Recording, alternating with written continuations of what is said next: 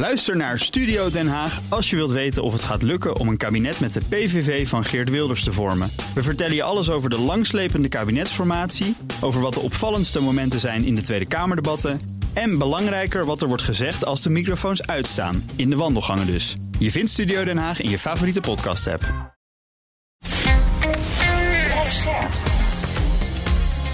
BNR Nieuwsradio. Boekenstein en de Wijk. Hugo Reitsma. Dit is een extra uitzending van Boekenstein en de Wijk in verband met de oorlog in Oekraïne en de crisis met Rusland. Het is vrijdag 30 december, dag 310 van de invasie. Met uh, weer een droneaanval hè, afgelopen nacht. Ja, en we moeten ook even gisteren behandelen. Gisteren was dus een combinatie van drones en een rakettenaanval. Gisteren een hele grote. Ja, ja. een hele grote. En de systematiek is eerst zoveel mogelijk uh, Iraanse drones. Hè? En dan, uh, en dan komt natuurlijk die barrage van raketten. Daarmee proberen ze de Oekraïnse air defense natuurlijk te foppen. Um, ze hebben gisteren 54 van de 69 uh, raketten hebben ze neergehaald. Dat is overigens, ja, daar komen er toch wel veel. Er komen gewoon 15 doorheen. Hè? Ja. Het effect was dat in Lviv bijvoorbeeld. Uh, Zo'n zo plaatsje helemaal in het westen, hè? vlak bij Polen. Ja, een grote stad. Ja. ja 90% elektriciteit gewoon weg. Uh, Kiev uh, 40%, dus kennelijk wordt dat toch steeds hersteld. Ik blijf dat merkwaardig vinden. Nou, vanmorgen om 5 uur vijf Iraanse Shahed-drones naar Kiev. En die zijn allemaal vernietigd door de Oekraïnse air defense. Die lijkt dus in Kiev het beste te zijn. Hè? Ja, verder heeft dus de Russische minister van Defensie heeft gezegd... Uh, jongens, de Kaliber-raketten, die, die hmm. will never run out. Dat is een lekkere cynische berichtgeving. En daar hebben ze er ook veel van, hè? Ja, nou ja, dat is maar de vraag of dat allemaal zo is natuurlijk. Kijk, eh, als je naar de, de lijstjes kijkt van hoeveel raketten er zouden zijn, zo vanaf het begin van deze oorlog en wat er nu nog over is, ja, dan, uh, dan komt uh, de bonen wel in zicht hoor. Hm. Uh, dat, kijk, bijvoorbeeld die Iskander-raketten, ze hadden er 900 volgens de inlichtingendiensten, ook van, van Oekraïne, op 23 februari. Nou, toen zijn ze gaan schieten. En zo'n ergens in november, december hadden ze nog 119 over. Ja. Dus, en die, die kaliberraketten die je net noemde, Arend Jan, ja. ze hadden 500 uh, op 23 februari. En ze hebben er pakweg 390, 400 afgeschoten. Hm. Dus ze hebben er nog wel een paar. Maar met dit tempo kan je inderdaad, als dit dus klopt, ja, kan je niet over doorgaan. Dat is onmogelijk. Want er wordt ook namelijk niet zo gek veel bijgemaakt. Dat is ook het hele punt. Hè? Dus ik heb al even gekeken van hoeveel worden nou eigenlijk, uh, uh, hoeveel worden nu eigenlijk gemaakt. Nou, dat is, dat is zeer beperkt. Van veel raketten wordt er helemaal niks uh, gemaakt. En het heeft onder andere te maken met het feit dat het lastig is om aan onderdelen te komen. Dat wil niet zeggen dat er helemaal niks wordt gemaakt. Hè. Er is een, een prachtig onderzoek is er geweest van, van Reuters en Roussi. Uh, over de Orlan, 100, uh, Orlan, Orlan 10. Dat is ook een, een drone, een onbemand vliegtuig. En daar is dus nagegaan hoe ze eigenlijk aan hun componenten komen. Nou, dat werkt via bedrijven in Sint-Petersburg echt heel interessant om dat te zien. STC, dat, die bouwt die Orlan 10. Um, da, en die, die krijgt nog steeds onderdelen. En als je dus gewoon ziet waar dat spul vandaan komt, uit Europa, uit China, uh, uit Hongkong, uh, nou ga zo, zo maar door. Uh, dat, is, dat is echt wel interessant. Dus je ziet dat ze toch allerlei achterdeuren hebben gevonden. En dat is ook wel logisch hoor. Dat hebben we hebben maanden geleden hebben we daar ook over gesproken. Van, ja. We krijgen gewoon achterdeuren en die achterdeuren hebben ze ook gekregen. En je ziet nu bijvoorbeeld dat halfgeleiders, ook uit Nederland van NXP, worden gevonden in, in, die, in die drones, in ja. die in die, in die onbemande vliegtuigen. Uh, er zitten ook componenten in van Texas Instruments. Nou, die staan dus ook allemaal op de sanctielijst. Uh, deze bedrijven mogen absoluut niet exporteren naar, uh, naar Rusland. Dat, dat doen ze, voor zover we weten, ook absoluut niet. Want als dat gebeurt, dan hebben ze enorme boete, boetes aan hun broek. Maar je ziet dus gewoon dat ze toch in staat zijn. die Russen, om, om via allerlei omwegen gewoon aan de componenten te komen. Dus dat gaat gewoon door. En dat geldt ook voor de Iraanse drones. Hè? Dus uh, Arjan noemde net de Iraanse drones. ja, er is nu een taskforce in het leven geroepen door Biden. die moet die drone-export van Iran aan banden leggen. Ja, dat, sancties hebben gewoon niet gewerkt, constateren ook de Amerikanen. 82% van alle componenten die ze gebruiken, die komen van westerse bedrijven. Van, uh, van Texas Instruments Bombardier, uh, die bijvoorbeeld de motoren levert. Ja, althans, die levert ze niet officieel, maar via de achterdeur worden die dus, ja, hebben die Iraniërs daar toch toegang toe. en ze hebben nu uitgevonden dat er pakweg 70%, 70 uit 13 landen, die hebben componenten geleverd. Althans, niet formeel, want het valt onder de sancties. Maar mhm. ja, toch op een of andere manier komen die componenten toch in Iran terecht. Inclusief bat uh, Japanse batterijen. Uh, dus, nou ja, en tot slot, wat heel interessant is, is dat er steeds meer replica's worden gezien vanuit China. Uh, van westerse componenten. Ja. En dat is echt interessant. Dus die Chinezen die schijnen een veel grotere rol te spelen in, ja, in, in de aanvoer van, van componenten die ze niet uit het Westen kunnen krijgen. Althans, niet legaal. Hey Rob, ik, ik zit een beetje te bestuderen. Al die, je hoort verschillende getallen. Hè? Hier zie ik bijvoorbeeld staan dat ze hebben nu... In begin november hadden ze 63% van hun vooroorlogse voorraad van 500 kalibers gebruikt. Ja. En jij zegt nu terecht, want ze maken gewoon bij, maar ze maken niet zo snel bij als ze dat vroeger konden nee, doen. Nee, dat kan niet. Dat kan niet. Nee, dat is het uh, vreemde. Dus uh, kijk, misleiding is natuurlijk altijd een uh, hele belangrijke een heel belangrijk onderdeel geweest van de Russische strategie. Het zou me ook niet verbazen wanneer er eh, sprake is van misleiding op het gebied van de aantallen. En dat die aantallen gewoon niet kloppen en dat ze gewoon ergens nog voorraden hebben waarvan we niet weten dat ze er zijn. Want je kunt met dit tempo kan je gewoon niet eeuwig doorgaan. Nee, want tussen februari en november hè, hebben ze er 120 nieuwe kaliber missiles uh, gemaakt, staat hier. Ik heb hier een Newsweek artikel. En hier staat ook, ze hebben dus gisteren donderdag die barrage, dat, dat waren dus, dat wist ik niet, uh, ehm, 120 raketten waren dat op donderdag. Ja, daar kan je niet tegenaan bouwen. Nee, daar kan je niet tegenaan bouwen. Dus het zou, kijk, eh, het zou mij ook niet verbazen. Kijk, eh, ze hebben een aantal van die wapensystemen ook naar het buitenland geëxporteerd. Eh, want eh, Rusland was een van de grootste, en is nog steeds een van de grootste wapenexporteurs van de wereld. Zou me niet verbazen. maar dat is echt gewoon een, een, een, gok die ik nu maak. En het is niet gebaseerd op, op, op, op harde op harde bewijzen. Maar het zou me niet verbazen als ze op een of andere manier in staat zijn. of om exporten op te houden. of geëxporteerde wapens terug te krijgen. Het zou me niet verbazen. Hm. Er zit ook iets geks in, hè? want we weten natuurlijk niet precies wat, wat er in de voorraadkist zit eh, in Rusland. Maar als het gaat om artilleriemunitie, daarvan gaat ook al lang het verhaal van nou de bodem moet een beetje in zicht komen. En daar zie je ook dat de Russen veel minder schieten dan ze in de zomer deden. Dus dat, dat lijkt te bevestigen dat ze een beetje moeten conserveren. Maar bij die drones en raketten zie je nog steeds die gigantische aantallen die worden afgevuurd. Ja, maar, maar je ziet ook dat ze die aanvallen concentreren op één keer per week of één keer per twee weken. Hm. Ja. Eh, ze doen het ook niet elke dag. Nee. Uh, als je dat elke dag zou doen, dan zou je er echt zo doorheen zijn. Ja, maar het kan ook gewoon niet. Ik bedoel, die kalibermis-raketten, uh, of S-300 of X-101 raketten, weet je, het, uh, het is ook niet niks. Het, het, het zijn geen broodjes van de bakker. Ja, dus je, die je gewoon even s'nachts kunt, kunt bakken, dat kan helemaal niet. En dat kost gewoon tijd. Daar heb je onderdelen voor nodig, daar heb je materiaal voor nodig heb je een productielijn eh, voor nodig. En uh, ja. ja. je moet dat allemaal op orde hebben voordat je een oorlog begint. Ja. Van de lucht misschien uh, naar de grond. Hoe is de situatie in de Donbass?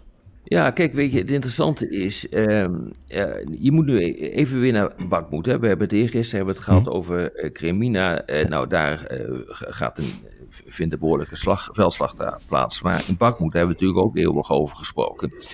Kijk, uh, uh, het Instituut voor de Study of War, en uh, die zegt, daar is nu een culminatiepunt bereikt. En daar ben ik het volstrekt mee eens. Dat is ook redelijk conform met de analyses die wij hebben geschreven. Culminatiepunt is eigenlijk een militaire term voor het feit dat je eigenlijk niet meer voor of achteruit kan. Dus je kunt nog offensieve, nog defensieve operaties uitvoeren. Normaal gesproken komt er dan ook een operationele pauze. Waardoor je even op aanloop kunt komen, aanvoer van versterkingen. En dan gaat het feest weer beginnen. Nou, dat is gewoon heel, heel erg lastig. zowel voor de Oekraïners als voor de Russen. Daar zit echt een geweldig probleem in. En de Russen hebben een nog groter probleem, omdat daar zeg maar, de hele, ehm, ja, hoe zou je het moeten, noemen? de grote eenheden zijn feitelijk uit elkaar gevallen. Dus, nou, ehm, die, die standaardeenheid van die Russen is pakweg een bataljon. Hm. Ergens tussen 500 800 man. ze vechten niet meer als bataljon, maar ze vechten nu als groepen. Pelotons van kleine, kleine eenheden van 5 tot 10 Ehm, soldaten zonder uh, al te veel ondersteuning. En dat is echt een geweldig probleem, want daarmee kan je natuurlijk gewoon helemaal nooit winnen. En daarmee kan je zelfs ook een tegenstander niet tegenhouden. En dus je ziet nu dat Wagner ook in dat, in dat gebied aanwezig is. En waar ik het net over had, dat zijn de Russische strijdkrachten. Wagner zit er ook.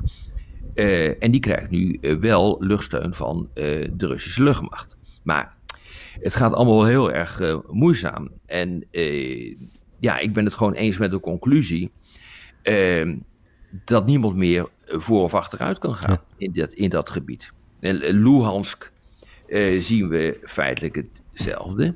Enorme versterkingen in die oblast. Uh, de Russen die, ehm, die proberen daar te houden wat ze hebben. Nou, Kremlina, eh, Kremlina, daar hebben we het net over gehad. Of daar hebben we het de vorige keer over gehad. Dus dat zou ik niet op terugkomen.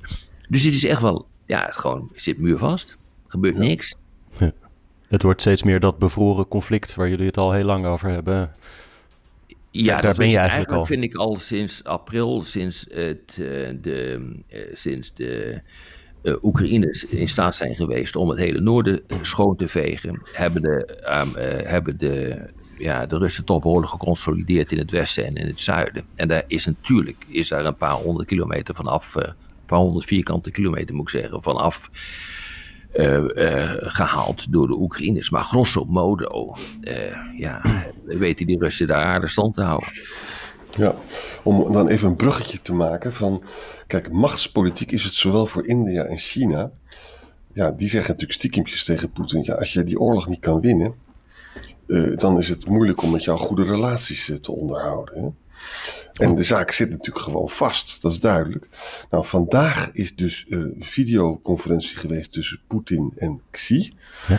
Nou, en dan moet je altijd uh, heel erg goed lezen, want ja, je, ze zeggen er altijd hele sumiere dingen over. Maar wat ik lees is het volgende. Uh, China is bereid tot diepere strategische samenwerking. Dat is het enige wat ze zeggen, dat zinnetje. Mm -hmm.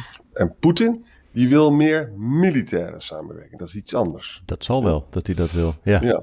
En, en Poetin wil ook graag dat er een staatsbezoek komt van Xi aan uh, Moskou. Ja. En ik zou dus hiervan willen zeggen van ja, China die zit op het vinkentouwer. Die houdt zich een beetje aan de sancties en die uh, gaat geen wapens leveren aan. Uh, het lijkt mij ook. Kijk, ze hebben, ze, ze hebben elkaar ook nodig omdat uh, ze allebei in strijd zijn met het Westen. Ja. China moet nummer één worden in de wereld, moet de nieuwe hegemoniale macht worden, neemt dus een stokje daarmee over van, het, van de Verenigde Staten. Althans, dat is de bedoeling. Uh, dit is echt gewoon een geopolitieke strijd op leven en dood tussen uh, China en, uh, en de Verenigde Staten. En dood moet je tussen aanhalingstekens zien, hoewel het, er zijn ook alweer nieuwe problemen rond Taiwan, maar goed, dat terzijde. Hm. maar het hele punt is natuurlijk van, ja, wie wordt de sterkste in, in de wereld? En daar heeft eigenlijk ook China zoveel mogelijk bondgenoten bij nodig. En Rusland is er één, want dat is een soort vooruitgeschoven post in die strijd. Die strijd wordt nu daadwerkelijk gevoerd op de grond met militairen door Rusland. Ja, ja. En, je, en je ziet dus nu ook dus dat uh, ook India, hè, uh, Modi die schreef een stuk in de Russische krant uh, Commerçant, dat is echt, zeg, zeg maar de Russische versies van het Handelsblad in Duitsland. Hè. Hmm. En dat stuk had ik eerlijk gezegd gemist hoor, maar ik heb het nu gelezen. Van, en dan zegt hij gewoon, ja, de tijdperk van oorlog voeren daar moeten we eens mee stoppen. En uh, dat is natuurlijk aan Poetin gericht. Hè? Dat had hij daar al eerder gezegd. Dit is, dit is geen ja, ja. Uh, moment om te gaan vechten. Ja. Dus, dus Poetin is heel erg uh, eenzaam hè, wat dat betreft. En er staat een mooi stuk van Catherine Belton, die het mooie boek over Poetin geschreven heeft, over, over Rusland. Hè. Dus een Rusland-expert. Hm. Over de, de eenzaamheid van Poetin in de Washington Post. en de mensen rond Poetin, zij belt met die mensen, hè, die zeggen dat hij weet niet wat, wat te doen. En huh. hij heeft dus op die reden ook dus een State of the Nation uh, heeft hij uitgesteld. En ook die jaarlijkse marathonpersconferentie. Want dan zouden er namelijk de mensen uit, eh, ook journalisten uit Siberië komen. En, die, die, en er gaan heel veel soldaten van Siberië naar uh, Bakhmut toe, om het zo maar eens te zeggen. Dus die kunnen moeilijke vragen gaan stellen. Hm. Daar, hebben ze, daar hebben ze geen zin in. Uh, er wordt ook gezegd dat hij uh, moe, vermoeid oogt. Hè? Hm. Uh, een oud generaal zegt tegen Katrien Belting: Ja, luister, we hebben 300.000 gemobiliseerd, maar we hebben gewoon niet genoeg wapens voor die jongens. Hè? Dus hoe moet dat nou goed Ah. komen? Uh, een oud centrale bankier zegt van... we hebben in de afgelopen halve eeuw allemaal relaties met het Westen opgebouwd. Hè? Uh, marktentoegang. En dat hebben we nu allemaal kapot gemaakt. En wat hebben we er eigenlijk voor teruggekregen?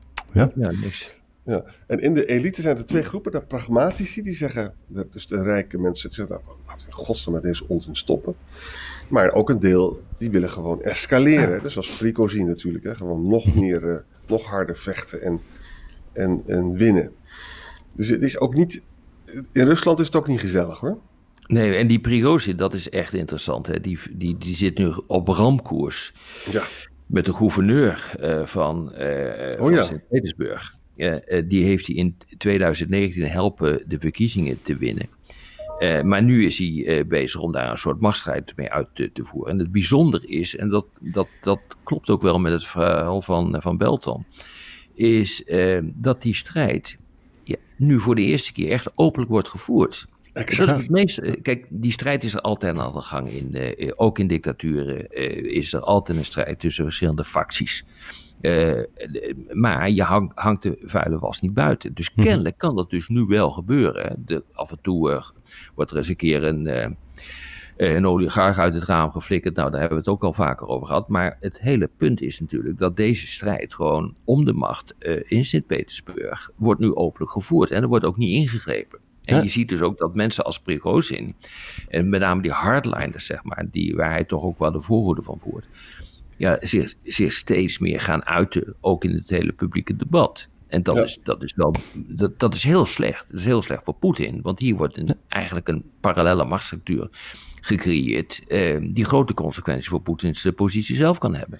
En, het interessante vind ik hoe dat nou in 2023 zich gaat ontwikkelen. Is het dan echt zo dat Prigozhin steeds machtiger wordt? Is, en stel voor dat tegelijkertijd Poetin dus steeds zwakker wordt en dat hij het misschien probeert over te nemen. Nou, weet je, ik Nou, luister hangt, altijd- hangt er vanaf, Arend Jan. De, de, ik denk dat het, eh, het antwoord op die vraag eh, redelijk simpel is. Dat hangt er vanaf wat er bij Bakhmut gaat gebeuren. Ja, Eh, dus eh, eh, als, als hij in staat is om samen met de Russen eh, daar toch een overwinning te boeken, ja, dan wordt zijn eh, positie enorm versterkt. Eh, gebeurt dat niet, dan wordt zijn positie enorm verzwakt. Ik denk dat het zoiets is. weet je, ik luister altijd braaf naar die podcast van eh Kaliotti, weet je wel, die, die Rusland-expert die echt verschrikkelijk veel weet. En die zegt, die blijft maar zeggen dat het ondenkbaar is dat Prigozhin eh, Poetin opvolgt. Maar ik, zijn argumenten, ik vind, ik vind het eerlijk gezegd een hele moeilijke podcast om te volgen. het is een soort omgevallen boekenkast, is, is eh Kaliotti. Eh, Maar goed. Wel interessant trouwens nog even Ja. terug te komen, Arjan, op wat je net zei. Want we, we concluderen natuurlijk op heel veel punten. Ja, wij weten ook niet hoe het zal gaan, eh, want we kunnen niet in Poetins hoofd kijken. Maar het zou dus ook best kunnen dat Poetin eigenlijk ook niet meer weet wat hij Ja. nu moet gaan doen.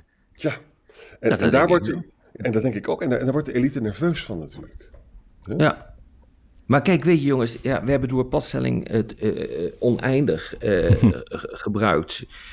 maanden geleden.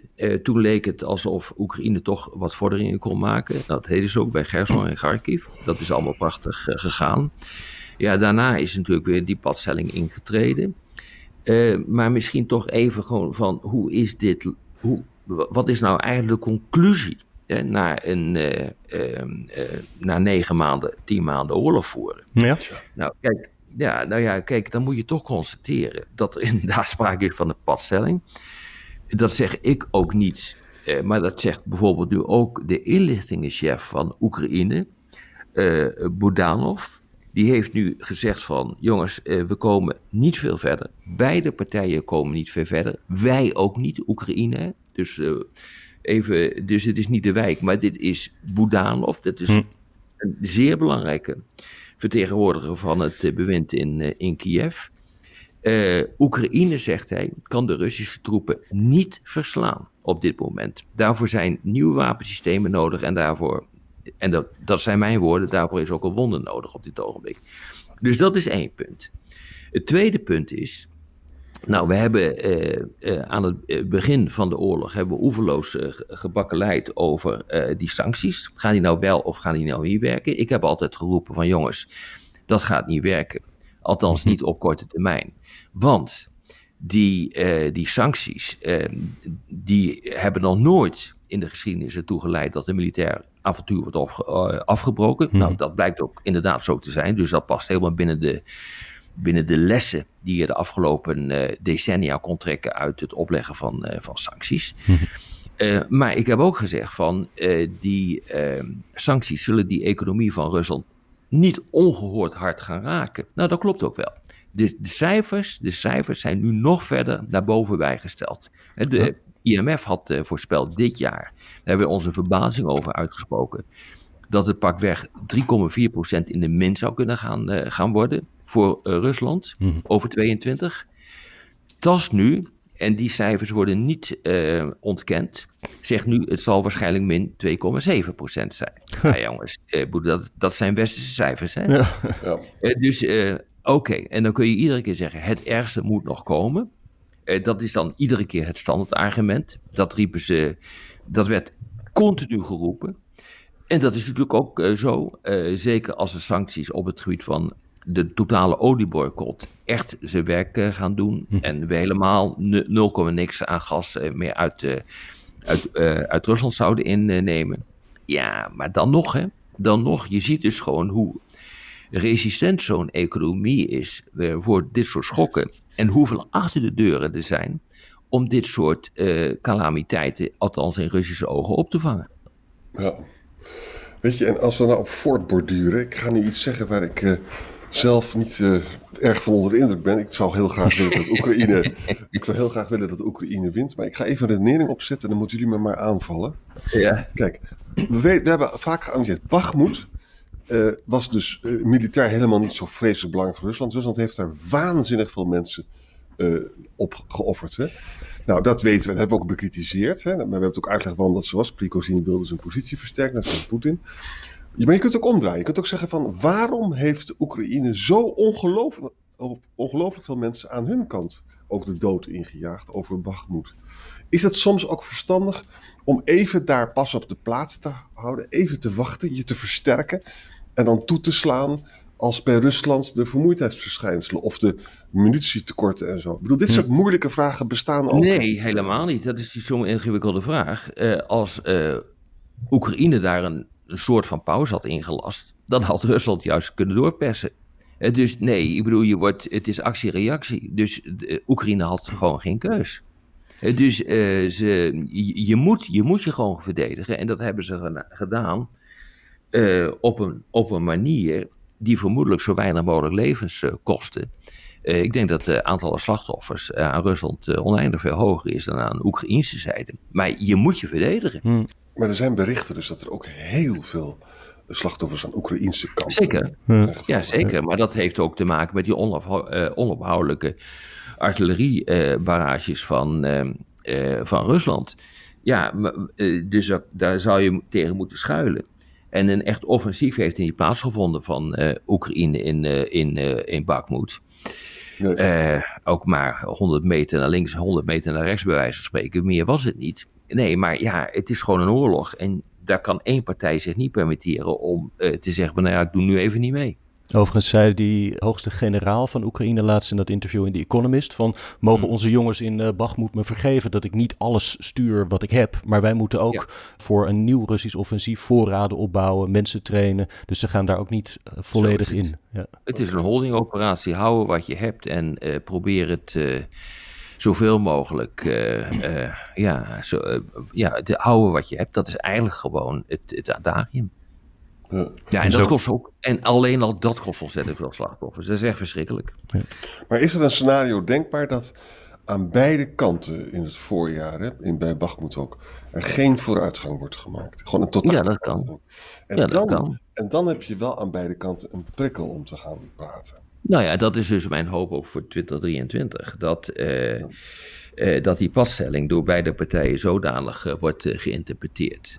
dat, dat, dat dat leidt in ieder geval tot een staakt het vuren. Want dat zal ooit een keer moeten komen.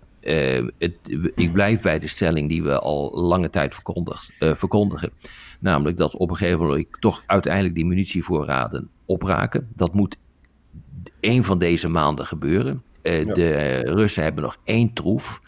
Dat is die 150.000 man die ze kennelijk nu wel eens een keer uh, goed, uh, goed trainen. Maar dan moet je daar dus wel de wapens en de munitie voor hebben. Nou, daar heeft Arend Jan al wat over gezegd.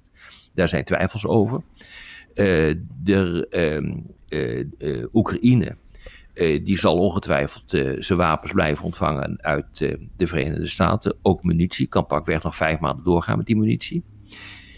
Maar ja, het is gewoon letterlijk een uitputtingsslag eh, geworden. En de vraag is wie de langste adem heeft. En ik moet eerlijk zeggen, ik weet het niet. Ik ook niet. Nee.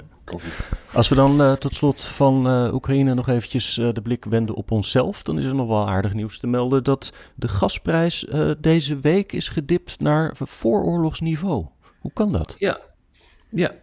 ja dat, nou ja, kijk, weet je, dat heeft natuurlijk verschillende verschillende redenen. Een daarvan is eh, de milde winter. we stoken echt heel erg weinig. Een andere is uh, dat de mensen echt aan het bezuinigen zijn geslagen op, uh, op energie. Mhm. Dat is echt, denk ik, een hele belangrijke uh, reden. en ja, je ziet ook dat de importen van LNG enorm zijn toegenomen. Dus vloeibaar gas. Ja. Nou, die hele combinatie. En China. En China, die, die, niet lekker loopt dus. Uh, en zeker nu met die COVID-uitbraak die daar is, uh, zijn de economische vooruitzichten buitengewoon uh, gering. Nou, dat betekent dus ook dat de wereldvraag naar beneden gaat. Nou ja, dan krijg je dus dit soort dingen. Biedt ook dat misschien hoop voor volgend jaar? Want we hebben ook vaak gezegd, nou, volgende winter wordt misschien nog moeilijker dan deze. Nou, dat hangt van externe factoren af. Uh, als mensen denken van nou, het valt allemaal weer mee, ik ga weer stoken. Uh, als China uh, de, de COVID te boven is en komt economisch weer boven Jan, nou, dan, dan ga je dat, ja, hm, dan, dan blijven die zorgen gewoon bestaan, natuurlijk. Je kunt daar helemaal geen zinnig woord over zeggen, omdat je nu niet kan inschatten wat de situatie is over een jaar. Maar het, het je, je moet er dus rekening houden in dit soort situaties dat het, het worst case scenario uitkomt. Je moet altijd mhm. plannen op worst case scenario's. Het grote mhm. probleem is, wat we de afgelopen jaren hebben gezien, is dat politici, behalve dus op energiegebied, eh, wat dat betreft ere die ere toekomt, uh, er is fantastisch werk gedaan om al die voorraden aan te vullen. Uh, en om uh, zo snel over te schakelen op LNG. Er moet niets dan hulde voor uh, degenen die dat voor elkaar hebben gekregen. Maar die zijn voor worst case scenario's uitgegaan. Maar met mhm. betrekking tot de oorlog, de impact van sancties en wapenleveranties, is men van het best case scenario uit te gaan. Nou, dat heeft dus niet geholpen om zo te denken. Maar met het gasverhaal, ik herinner me nog goed bij die rapporten. We hadden iets van 240 hadden we dan nodig, de hele EU. En we hebben nu, als, als we hebben straks 210. Hè? Nou, dat mhm. betekent, dat, is, dat leidt natuurlijk tot hogere gasprijzen. Maar goed, dan de winter, als de winter weer mild is, als China nog heel veel COVID-ellende zou hebben. En dat is natuurlijk, dat is ook een open zee nu trouwens. Er zal toch geen nieuwe variant van virus daar ontstaan. Hmm. Mijn hemel, ik moet er niet aan denken dat ik weer achter mijn iMacje college moet geven. Zeg. Nee, ja, dat is verschrikkelijk. Ja, ja, ja. Nou goed, dat heeft dat. Ja, nou ja, weet je, dat leidt allemaal tot een, uh, tot een, een economische vertraging. En dat is op zich voor het verbruik van, van olie en gas alleen maar goed. Eh, maar, maar, maar, je ziet bijvoorbeeld een bedrijf als ExxonMobil, die gaat nu ook naar de rechter toe in Luxemburg. Ja. En die zegt, ja, ik maak nu bezwaar eh, tegen die belasting op overwinsten. Uh, want dit is gewoon totaal belachelijk. Jullie hebben A, de hm. jurisdictie helemaal niet in Europa om dat te doen. En, en twee, ja, als we dat gaan doen, dan wordt er helemaal niet meer geïnvesteerd in fossiel. Nou, dan zullen de, de hm. mensen die voor een goed klimaat zijn, waar ik trouwens ook voor ben, die zullen onmiddellijk zeggen, nou dat is alleen maar heel mooi dat er niet geïnvesteerd wordt. Maar ja, dat leidt weer tot enorme tekorten de komende winter. Hè? Dus zo ga je weer door. Uh, wat ook nog een probleem is, kijk, de fossiele industrie die is ook uh, voor een deel aan het verduurzamen. Shell is bijvoorbeeld heel erg bezig met het windmolenpark. Hè? Dus dat betekent dat op zichzelf genomen zijn die winsten in de olieindustrie ook weer nodig om die overgang te maken naar waterstof. Want daar gaan ze natuurlijk ook in. Zitten. Ja, natuurlijk. Alleen het probleem zit hem er gewoon in, maar ik denk dat dat nu even te ver voert. Uh, dat is allemaal veel te ingewikkeld uh, voor uh, de meeste ja. mensen die met een politieke dan wel activistische blikje naar kijken. Het ja. is, wat, wat dit jaar heeft aangetoond, is hoe ongehoord complex energievoorziening is. En hoe dat een enorm groot mondiaal systeem is, waarbij alles met alles samenhangt. En als je daar één, één blokje uittrekt, oftewel uh, het Russische blokje, en dan stond, stort het hm. hele systeem in elkaar. En dan krijg je gewoon mondiale problemen. Dat is gewoon wat er feitelijk aan de hand is. En wat ook nog een keer duidelijk is geworden dit jaar, is dat we nog heel erg lang, voor veel mensen helaas, uh, van fossiel afhankelijk blijven. En je moet erin blijven investeren, want anders heb je straks niks meer. Ja, exact. Lessen voor het nieuwe jaar. Zo is het. Dank jullie wel weer. Tot morgen. Graag gedaan. Tot morgen. Ook Diana Matroos vind je in de BNR-app. Ja, inderdaad. Je kunt live naar mij luisteren tijdens de Big Five. Ook handig in de BNR-app. Breaking nieuwsmeldingen, maar ook het allerlaatste zakelijke nieuws. En je vindt in de app alle BNR-podcasts, waaronder Wetenschap Vandaag. Download nu de gratis BNR-app en blijf scherp.